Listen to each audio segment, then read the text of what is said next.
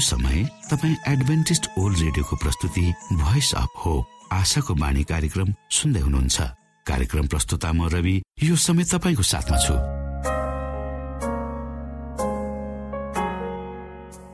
बाइबलले भन्दछ सारा भूमण्डल आकाश मण्डलको सृष्टिकर्ता परमेश्वर साँच्चै अचम्मको परमेश्वर हुनुहुन्छ। के तपाईँलाई थाहा छ? यस्तो सारा जगतको अधिपत्य परमेश्वर मानिस जातिले बुबा भनी बोलाएको रुचाउनुहुन्छ? परमेश्वर बादल पारिरहने केही डरलाग्दो न्यायकर्ता होइन। तर हामी हरेकको निम्ति आमा बुबा जस्तै नजिकको आत्मीय सम्बन्धमा रहने परमेश्वर हुनुहुन्छ। यस्तो प्रेमिलो परमेश्वरको विषयमा धेरै भन्दा धेरै जानकारी लिएर आफ्नो जीवनको बाँच्नुको उद्देश्यलाई बुझ्न सक्नुहुनेछ। जीवनको अर्थ बुझ्नु हाम्रो उत्तरदायित्व हो। आशाको बाणी कार्यक्रमले यी गहन कुराहरू बुझ्न तपाईँलाई मदत गर्दछ। आउनुहोस् हामी तपाईँलाई हाम्रो कार्यक्रममा स्वागत गर्दछौ। सुरुमा हामी मधुर कृष्ण वचन सुन्नेछौ।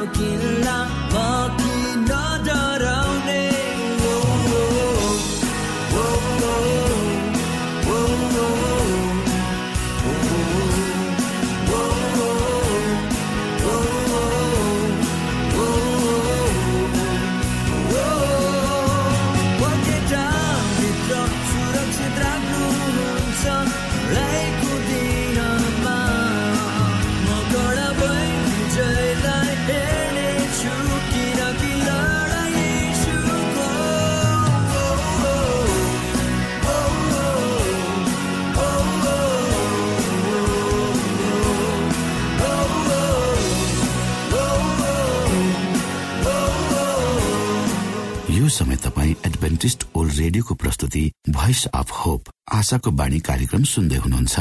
श्रोता मित्र यो समय हामी पास्टर उमेश पोखरेलबाट आजको बाइबल सन्देश सुन्नेछौ।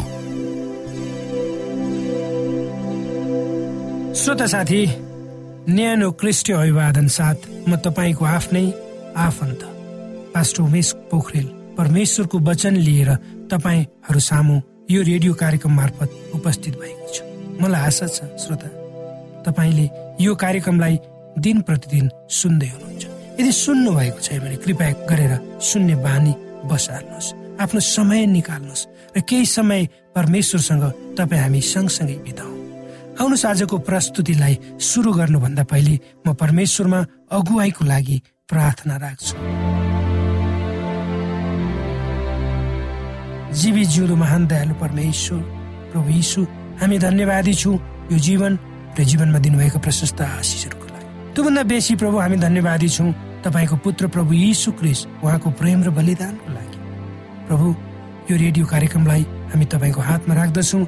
यसलाई तपाईँको राज्य महिमाको प्रचारको खातिर यो देश र सारा संसारका कुना कुनामा पुर्याउनुहोस्। प्रभु ज जसले तपाईँको विषयमा सुनेका छैनन् तिनीहरूलाई तपाईँको विषयमा सुनाउनुहोस्। सबै बिन्ती प्रभु यीशुको नाममा। आमेन। श्रोता साथी भनिन्छ अस्वाभाविक रूपमा कुनै कुरा आर्जन छिट्टै गर्ने इच्छाले मानिसलाई अन्तत नाशको खाडलमा पुर्याउँछ। मलाई आशा छ यो भनाइप्रति तपाईँ मसँग सहमत हुनुहुन्छ भनेर। पवित्र धर्मशास्त्र बाइबलमा यस्तो एउटा मानिसको विषयमा भनिएको छ जसलाई त्यति बेला पूर्वमा भएका मानिसहरू मध्ये सबैभन्दा ठुला सबैभन्दा धनी र आशिषित मानिस थिए भनेर भन्ने गरिन्छ। जुन मान्छेको नाम अयुब जसले आफ्नो जिम्मेवारीलाई बुझेका हुन्छन्। र जसरी उनी सम्पन्न हुन्छन् जसरी उनीसँग सबै कुराहरू हुन्छ त्यति बेला जति उनले परमेश्वरलाई माथि उचाल्छन् त्यति नै जब उनीसँग भएका सम्पूर्ण कुराहरू खोसिन्छन् उनी दुःखमा हुन्छन् कष्टमा हुन्छन् र मृत्युको सैयामा हुन्छन् त्यति बेला पनि उनले परमेश्वरलाई उत्तिकै माथि उचाल्छन् र उनी भन्छन् अन्धाहरूको लागि म आँखा भएँ र लङ्गडाहरूको निम्ति खुट्टा। दरिद्रको लागि म बाबु चाहिँ थिएँ र विदेशीको पक्षमा म मुद्दामा खडा हुन्थेँ। हो श्रोता यी अयुबले भनेका कुराहरू। यदि तपाईँ र मैले आत्मसात गरेर त्यसै अनुसार आफ्नो जीवनलाई अगाडि बढाउने हो भने आजको संसार कति मिठो हुन्थ्यो होला कति सुन्दर हुन्थ्यो होला।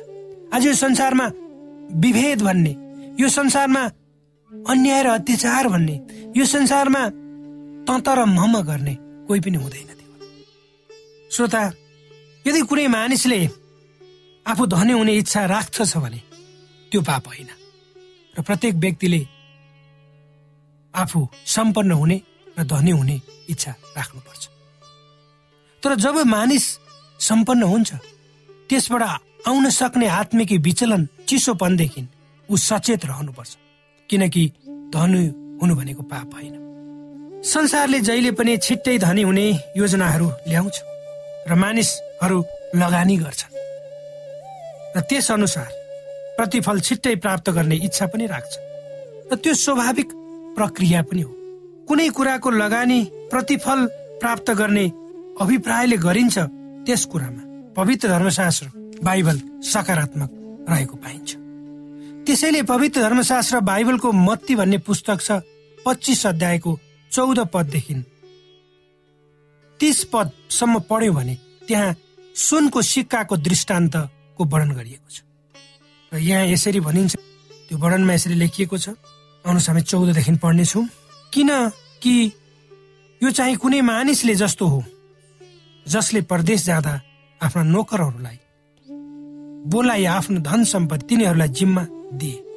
तिनले हरेकलाई तिनीहरूका आफ्नो योग्यता अनुसार एउटालाई पाँच सुनका सिक्का अर्कोलाई दुई र अर्कोलाई एक दिएर तिनी गइहाले। तब पाँच सिक्का पाउनेले तुरुन्तै गएर त्यो व्यापारमा लगायो र अझ पाँच सिक्का कमायो। त्यसरी नै दुई सिक्का पाउनेले अझ दुई कमायो तर एक सिक्का पाउनेले गएर भुइँमा खनेर आफ्नो मालिकको धनलाई लुकायो। धेरै दिनपछि ती नोकरका मालिक आए र तिनले तिनीहरूसँग हिसाब मागे। तब पाँच सिक्का पाउनेले पाउने नोकरले अरू पाँच सिक्का ल्यायो र मैले तपाईँले दिनुभएका पाँच सिक्काबाट पाँच सिक्का कमाए भनेर भन्यो।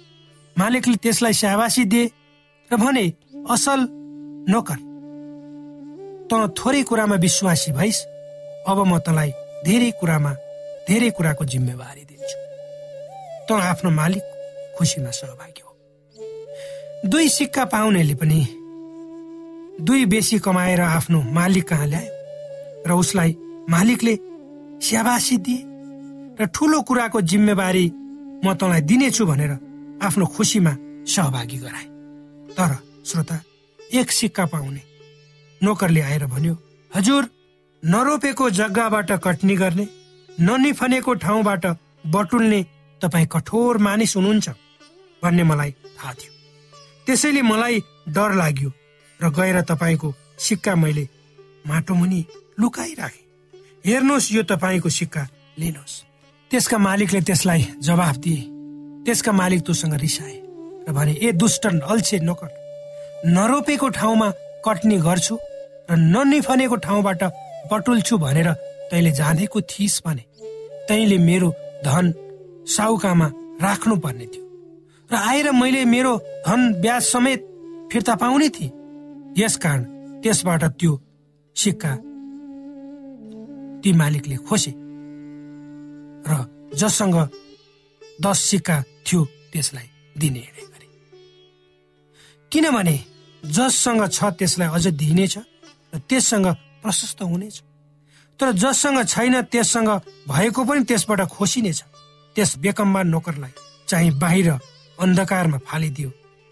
जो जहाँ मानिसहरू हुनेछन् र धारा किट्नेछन् भनेर ती मालिकले भने।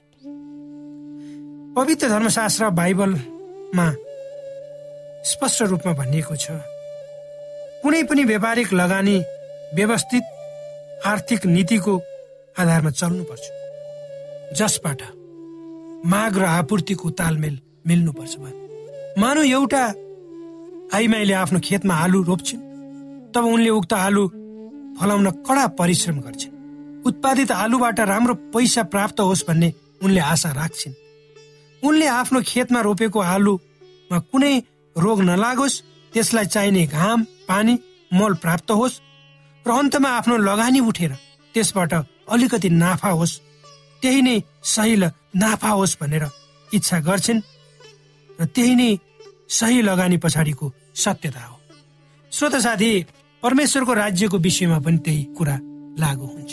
तपाईँ र मलाई दिएको जिम्मेवारी अर्थात् तपाईँ र म को योग्यता अनुसार हामीले कति पढेका छौँ हाम्रो क्षमता कति छ त्यसै अनुसार तपाईँ र मेरो काम हुन्छ। यो संसारमा हामीले काम गर्नुपर्छ जिउनको त्यो दिएको जिम्मेवारीलाई तपाईँ र मैले प्रोडक्टिभ भनेको उत्पादक मूलक काममा लगाउँछु कि लगाउँदैनौ?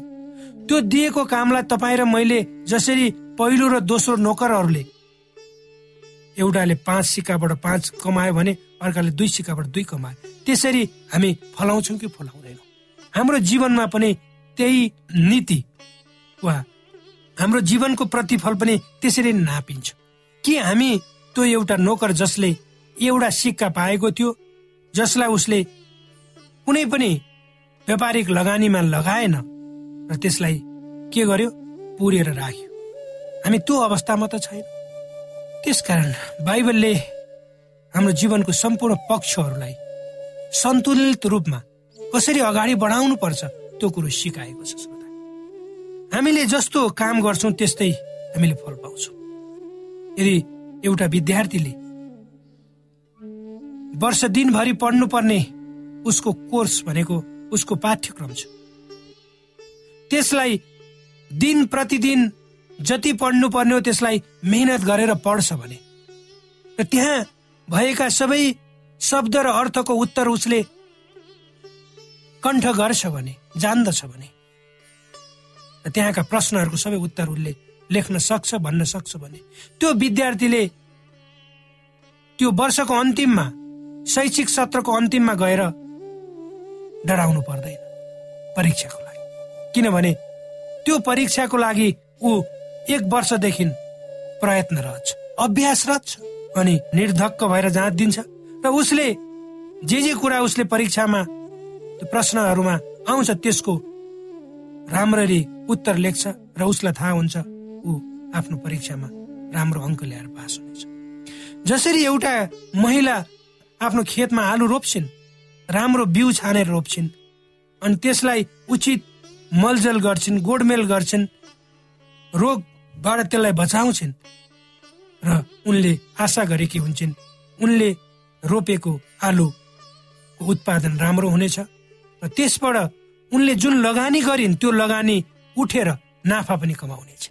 जब हामी परमेश्वरसँग आफ्नो व्यवहारिक जीवनलाई तालमेल गरेर सँगसँगै हिँड्छौँ यी सबै पक्षहरूलाई परमेश्वरले हाम्रो अगाडि देखाउनुहुन्छ र कसरी हामी अगाडि बढ्नुपर्छ त्यो कुरो सिकाउनु पनि हुन्छ। मलाई आशा छ श्रोता तपाईँको पेसा र व्यवसाय जुनसुकै किन नहोस् त्यसप्रति तपाईँ इमान्दारी हुनुहोस्।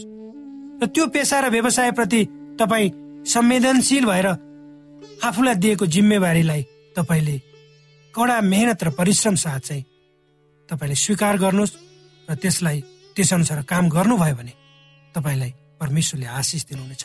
तपाईँको जीवन आशिषित होस् र परमेश्वर चाहनुहुन्छ जब तपाईँ संसारमा रहनुहुन्छ सबै आशिषहरू तपाईँले प्राप्त गर्नुहोस्। धन सम्पत्ति मान मर्यादाहरू तर ती आशिषहरू तपाईँले आफ्नो लागि मात्र होइन समाज र परमेश्वरको सेवाको लागि पनि तपाईँले दिनुहोस् यही परमेश्वरको इच्छा छ।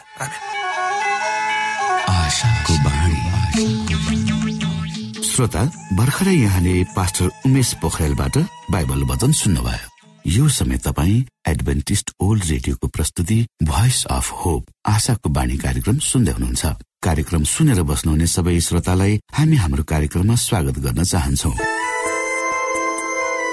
श्रोता मित्र यदि तपाईँ जीवनदेखि हरेस खानु भएको छ तपाईँका जीवनमा धेरै अनुत्तरित प्रश्नहरू छन् भने आउनुहोस् हामी तपाईँलाई परमेश्वरको ज्योतिमा डोहोर्याउन चाहन्छु। र तपाईँ आफ्नो जीवनका चिन्ता फिक्रीबाट निश्चिन्त हुनुहोस् र बाँच्नुको आनन्द परमेश्वरको सामिप्यमा कति मिठो हुन्छ त्यो चाख्नुहोस् भनी हामी चाहन्छौँ। श्रोता यदि तपाईँ आशाको बाणी कार्यक्रमलाई अनलाइन सुन्न चाहनुहुन्छ वा डाउनलोड गर्न चाहनुहुन्छ भने डब्लु डट एडब्लुआर डट ओआरजीमा जानुहोस्। त्यहाँ तपाईँले प्रत्येक दिनको कार्यक्रम सुन्न र डाउनलोड गर्न सक्नुहुनेछ। हाम्रो वेब पेज यस प्रकार छ W W W dot AWR dot ORG श्रोता यदि तपाईँ हामीसित सिधै फोनमा सम्पर्क गर्न चाहनुहुन्छ भने हाम्रा नम्बरहरू यस प्रकार छन्। अन्ठानब्बे एकसाठी पचपन्न शून्य एक सय बिस. अन्ठानब्बे एकसाठी पचपन्न शून्य एक सय बिस. र अर्को अन्ठानब्बे अठार त्रिपन्न पन्चानब्बे पचपन्न. अन्ठानब्बे अठार त्रिपन्न पन्चानब्बे पचपन्न. यो आशाको बाणी रेडियो कार्यक्रम हो। म धनलाल राई यहाँहरूलाई यस कार्यक्रममा न्यानो स्वागत गर्दछु। उद्देश्य प्रेरित पुनर्जन्म देश देशावरका आत्म परिवर्तित कथाहरूमा आजको कथा परोपकारी काम गरेर सुसमाचार प्रचार गर्न जन्मिएको मार्चेलो फर्नाल्डे अर्जेन्टिना दक्षिण अमेरिका।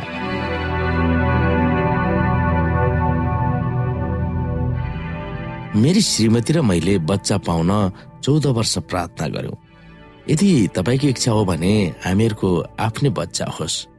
नभए कमसे कम कसैलाई धर्मपुत्र वा धर्मपुत्री पाल्न सहयोग गर्नुहोस्।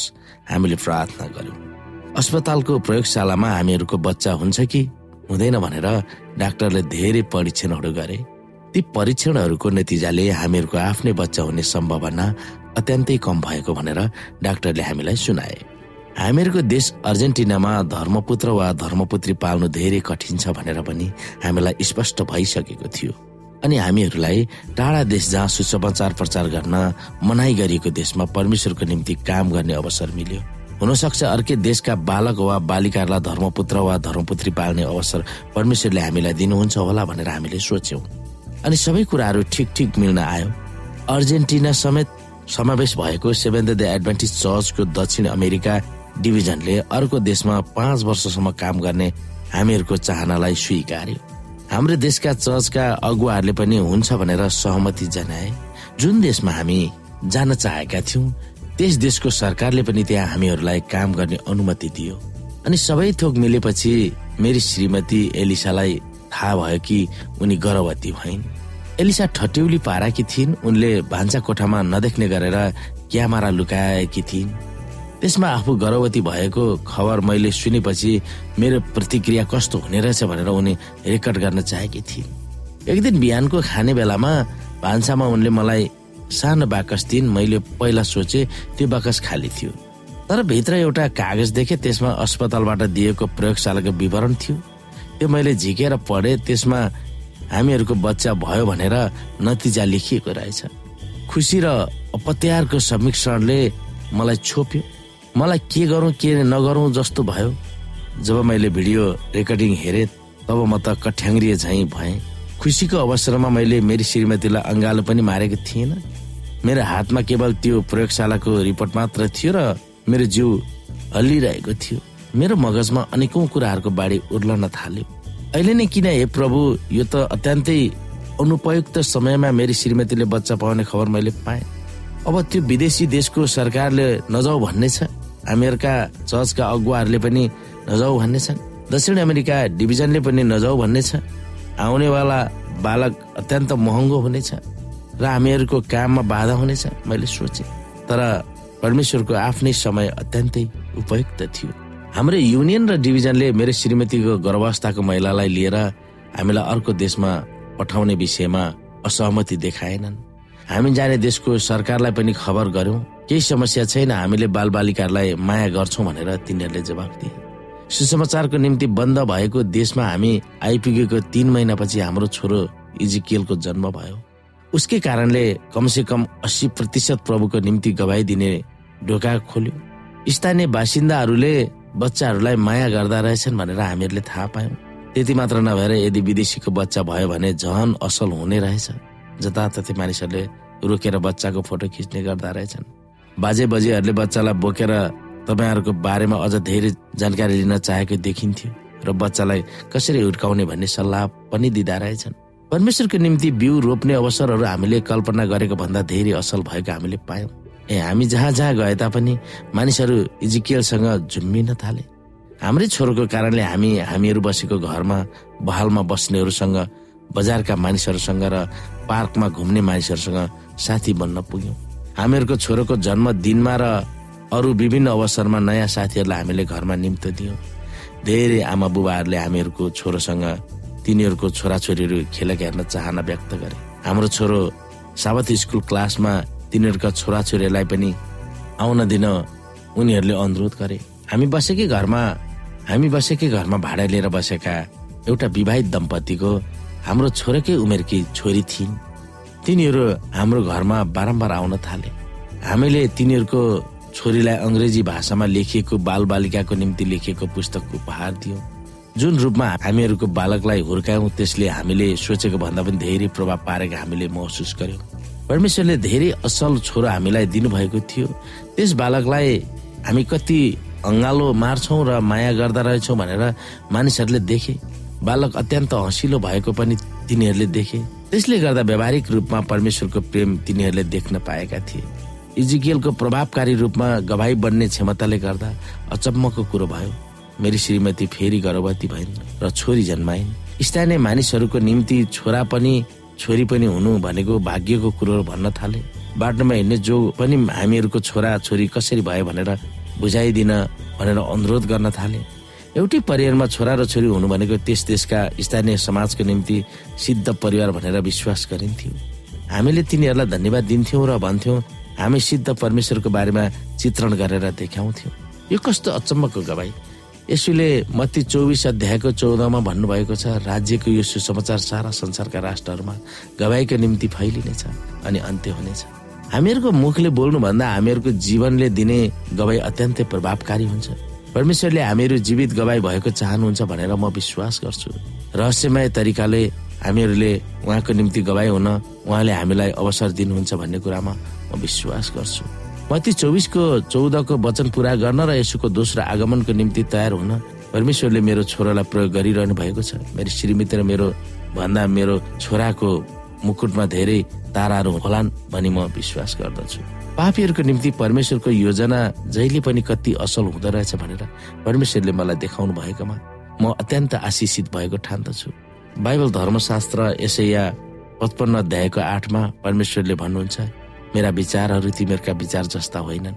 तिम्रा बाटाहरू मेरा बाटाहरू जस्ता होइन हामीले यो वचन धेरै प्रवचनहरूमा सुन्यौँ तर तपाईँकै जीवनमा यो देखियो भने अत्यन्तै गजबको हुन जान्छ।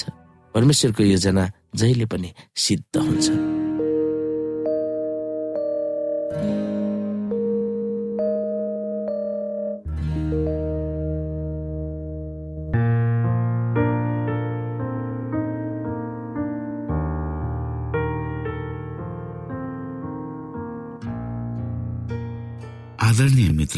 बाइबलले बताएको छ परमेश्वरले तिर्खाकाहरूलाई तृप्त पार्नुहुन्छ र भोकालाई उत्तम पदार्थले सन्तुष्ट पार्नुहुन्छ। हामीलाई दिइएको यो छोटो समय आशाको बाणीको प्रस्तुतिको समयमा हामीले हाम्रा श्रोताको आत्मिक भोकलाई केही मात्रामा भए तापनि सही प्रकारको खोराक पस्केर आत्मिक सन्तुष्टि दिन सकेका छौँ केही ऊर्जा थप्न सकेका छौँ भनेर हामीले आशा राखेका छौँ।